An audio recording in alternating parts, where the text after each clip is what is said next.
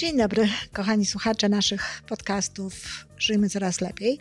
Z tej strony oczywiście Iwona Majewska-Piełka, wasz psycholog pozytywny, tak można powiedzieć.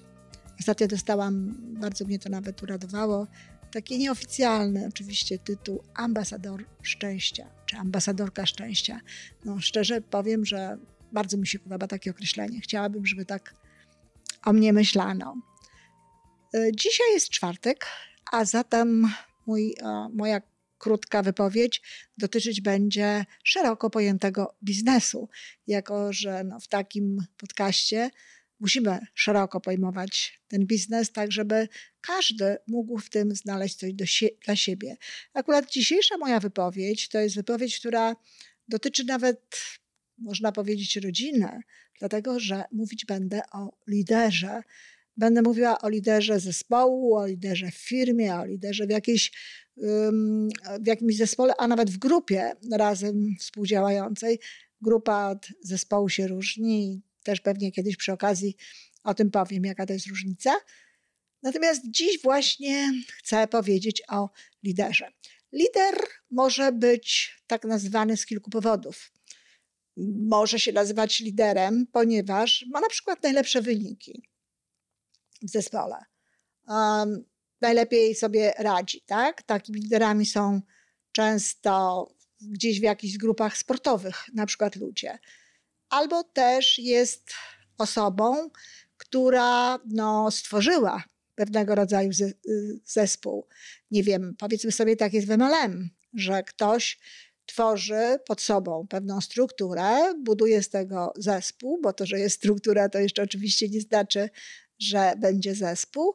No i jest liderem. Jest liderem tego mm, zespołu bez względu na to, prawdę powiedziawszy, co robi, jak się zachowuje e, i jakie są efekty tego faktu, że on jest tym liderem. Taki ma po prostu tytuł. Często właśnie mówi się o osobach, które stoją na czele firm, że są liderami. E, mnie zdarza się słyszeć również takie wypowiedzi poszczególnych czy ludzi, z którymi pracuję. E, chciałbym być liderem w tym zespole. Albo ktoś mówi, chciałbym być liderem tej grupy nie wiedząc do końca, że grupa tak naprawdę nie może mieć lidera. Zespół tak, grupa nie. I co to wtedy znaczy? Aha, to znaczy, że on chciałby służyć, chciałby poprowadzić ten zespół. No ja powiedziałam służyć e, bardzo często, a te osoby nie chcą tak naprawdę służyć, tylko mają raczej bardziej potrzebę władzy niż służenia, podczas kiedy punkt pierwszy, lider to jest służba. Lider to nie jest powód do tego, aby samemu obrastać w kolorowe piórka, aby samemu się puszyć, aby samemu podkreślać tu, tam i jeszcze w różnych innych miejscach swoje zalety i to, jak bardzo przyczyniliśmy się do tego, że właśnie ludzie, których prowadzimy, tak dobrze sobie radzą, że tak dobrze funkcjonują, ale jest to postawa typu co mogę zrobić, w jaki sposób mogę służyć, jak mogę się przydać tym osobom pode mną e, czy prowadzonym przeze mnie, żeby one w najlepszy możliwy sposób realizowały swoje cele, zarówno te, które mam w, wyznaczone gdzieś w granicach, w granicach biznesu, jakim się zajmujemy, czy, czy działalności, jaką się zajmujemy, jak również swoje własne cele osobiste. I to jest ogromnie ważne. Bardzo ważną sprawą jest no właśnie taka możliwość połączenia tych celów osobistych z celami zawodowymi. A zatem lider to służba, lider to nie władza, lider to nie e, powody do wynoszenia y, siebie, ani nawet do wynosze, bycia wynoszonym przez innych. Lidera na dobrą sprawę wynosić mogą tylko i wyłącznie ludzie z jego zespołu. E, ci, których on prowadzi. I co to znaczy wynosić? No, doceniać, być mu wdzięcznym, e, rozumieć jakby to, co faktycznie dla nich robi i mówić mu o tym, że zdają sobie z tego sprawę. A cała reszta mm, może uznawać zasługi całego zespołu, czy zasługi jakiejś konkretnej osoby, Natomiast nie ma powodów, aby wynosić tę osobę, piać na jej temat, czy no, w jakikolwiek inny sposób ją wyolbrzymiać jej jakby zasługi. Tak jak mówię, o zasługach wiedzą te osoby, które są w zespole. Dlatego, że bardzo często jest tak, niestety, że efekty na krótką skalę, bo na długo tego się nie da zrobić, ale efekty na krótką skalę albo z rywami no, są bardzo dobre również w takich zespołach, w takich działach czy oddziałach, e, gdzie na czele nie stoi lider wcale, tylko e, satrapa, człowiek wcale e, nie mający na, na myśli dobra ludzi, których prowadzi, tylko no, bezwzględne osiąganie tych celów, które on chce osiągnąć, to raz. A dwa, często bywa również tak, że efekty, wyniki jakiegoś zespołu, jakiejś firmy czy jakiejś innej e, wspólnie działającej grupy ludzi, czy jakiegoś zespołu, no są po prostu dobre ze względu na pewne dodatkowe okoliczności. Czasami e, sukces jest osiągany pomimo tego, że ta osoba, która prowadzi dany zespół, wcale nie jest liderem i nie robi rzeczy wcale tak, jak warto byłoby je robić, tylko po prostu no, inne okoliczności spowodowały, że tak się ułożyło. Kim zatem jest lider? Czego możemy oczekiwać od lidera? Taka definicja lidera, którą na bazie wiedzy e, związanej z zarządzaniem, no, dziesiątek czy może nawet setek przeczytanych książek, wielu odbytych szkoleń, tudzież no, takich naprawdę dokładnych analiz, taka definicja lidera, którą stworzyłam, brzmi: Lider jest to osoba, która stymuluje proces budowania i osiągania celów, wyzwalając w sobie i innych entuzjazm i najlepsze cechy charakteru. Aha. Czyli po pierwsze, lider stymuluje proces budowania celów. Czyli lider nie ustala celów, tak jak niektórzy myślą. Lider nie wyznacza celów, tak jak niektórzy myślą. Gdyby tak było, no, lider traciłby przez to tak naprawdę e, szansę na, na jakby realizowanie pomysłów jego ludzi, szansę na rozwój jego ludzi. To nie jest tak, że lider jest najlepszą, najmądrzejszą, czy w jakikolwiek inny sposób naj, E, osobom w zespole. Lider stymuluje proces budowania celów. Te cele budowania i osiągania, te cele mogą być tworzone przez członków zespołu. To członkowie zespołu mogą ustalać, co będziemy robić, dokąd będziemy iść, w jaki sposób będziemy realizować pewne cele, które sobie postawimy. Ponadto w tym również kryje się kolejna rzecz, Lider stymuluje proces budowania i osiągania celów, ale tu chodzi nie tylko o cele gospodarcze czy o cele zawodowe, czy jakieś na przykład, nie wiem, sportowe, jeżeli mówimy o drużynie sportowej. Tu chodzi o to, aby lider potrafił sprząc, i to jest największa sztuka, sprząc osobisty interes ludzi, których prowadzi, no, z tym interesem, który reprezentuje w ramach tego zespołu e, jakiejś firmy, czy też swoich interesów.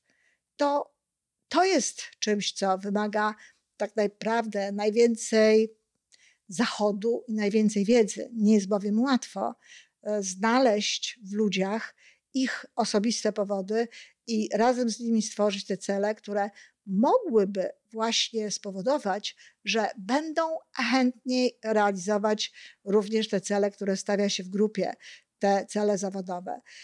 To jest niełatwe w firmach tradycyjnych, gdzie no, warto byłoby jakby po, pomóc ludziom w tym, aby no, realizowali swoje cele materialne, które na przykład mają, wiedząc o tym, do czego dążą, na co składają pieniądze, czy co chcą osiągnąć, czy co jest ich pasją, czy pasją ich rodziny.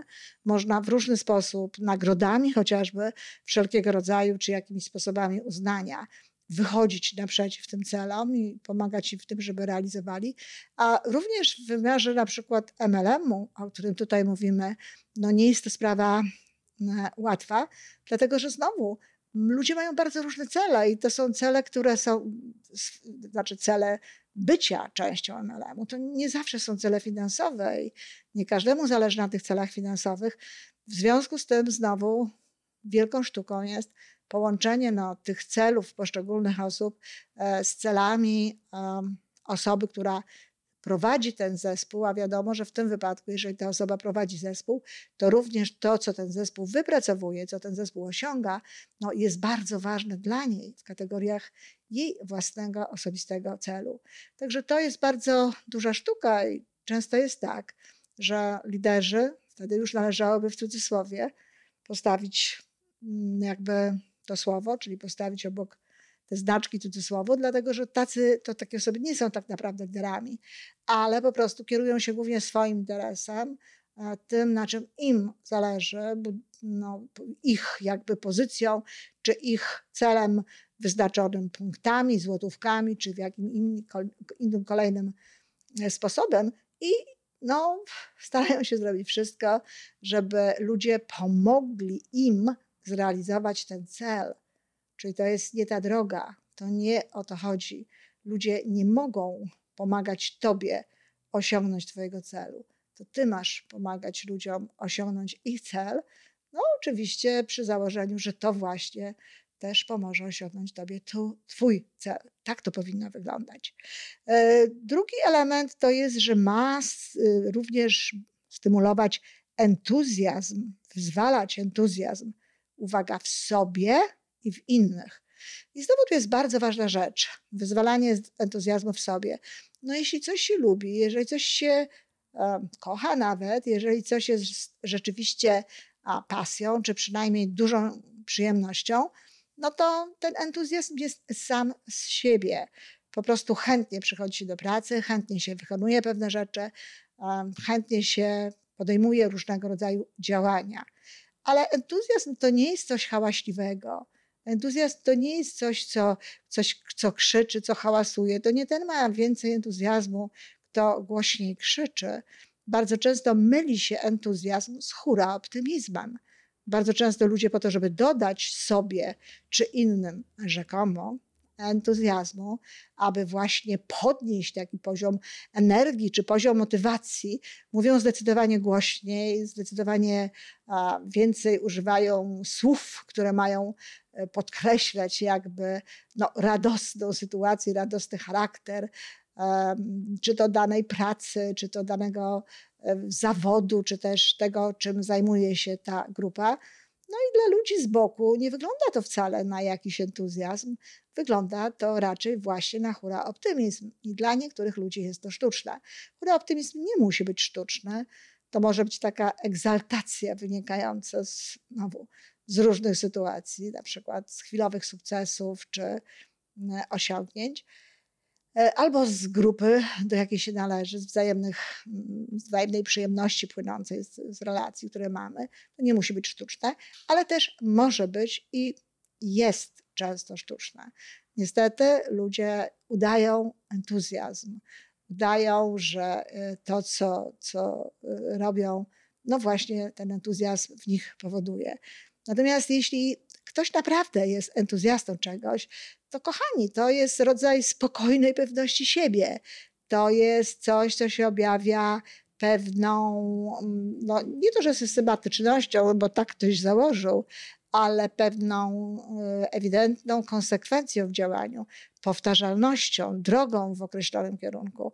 To jest tak naprawdę entuzjazm, a nie krzyki, hałasy. Uśmiech czasami dobry, serdeczny, wypływający gdzieś tam e, z środka, więcej mówi o nastawieniu prawdziwym i o ewentualnej obecności entuzjazmu, niż krzyki, ochy, achy i takie właśnie różne inne sygnały, które mają ten rzekomy entuzjazm określać. I jeśli takie osoby są, mają właśnie ten naturalny entuzjazm, to bardzo często pociągają za sobą ludzi i wyzwalają w tych ludziach również taką chęć do działania, czy chęć właśnie ekspresji pewnych uczuć. Natomiast jeśli jest to hura optymizm, no to cóż, nie pozostaje nic innego, tylko udawanie albo naśladowanie hura optymistycznych zachowań naszego, w cudzysłowie, lidera. I Wreszcie kolejna i bardzo ważna, każda z tych rzeczy jest bardzo ważna, ale nie wszystkie z nich wymagają tyle jakby no, wkładu, jak ta ostatnia. Wyzwala w swoich ludziach, w sobie oczywiście również, ale także w swoich ludziach najlepsze cechy charakteru. To jest bardzo ważna sprawa.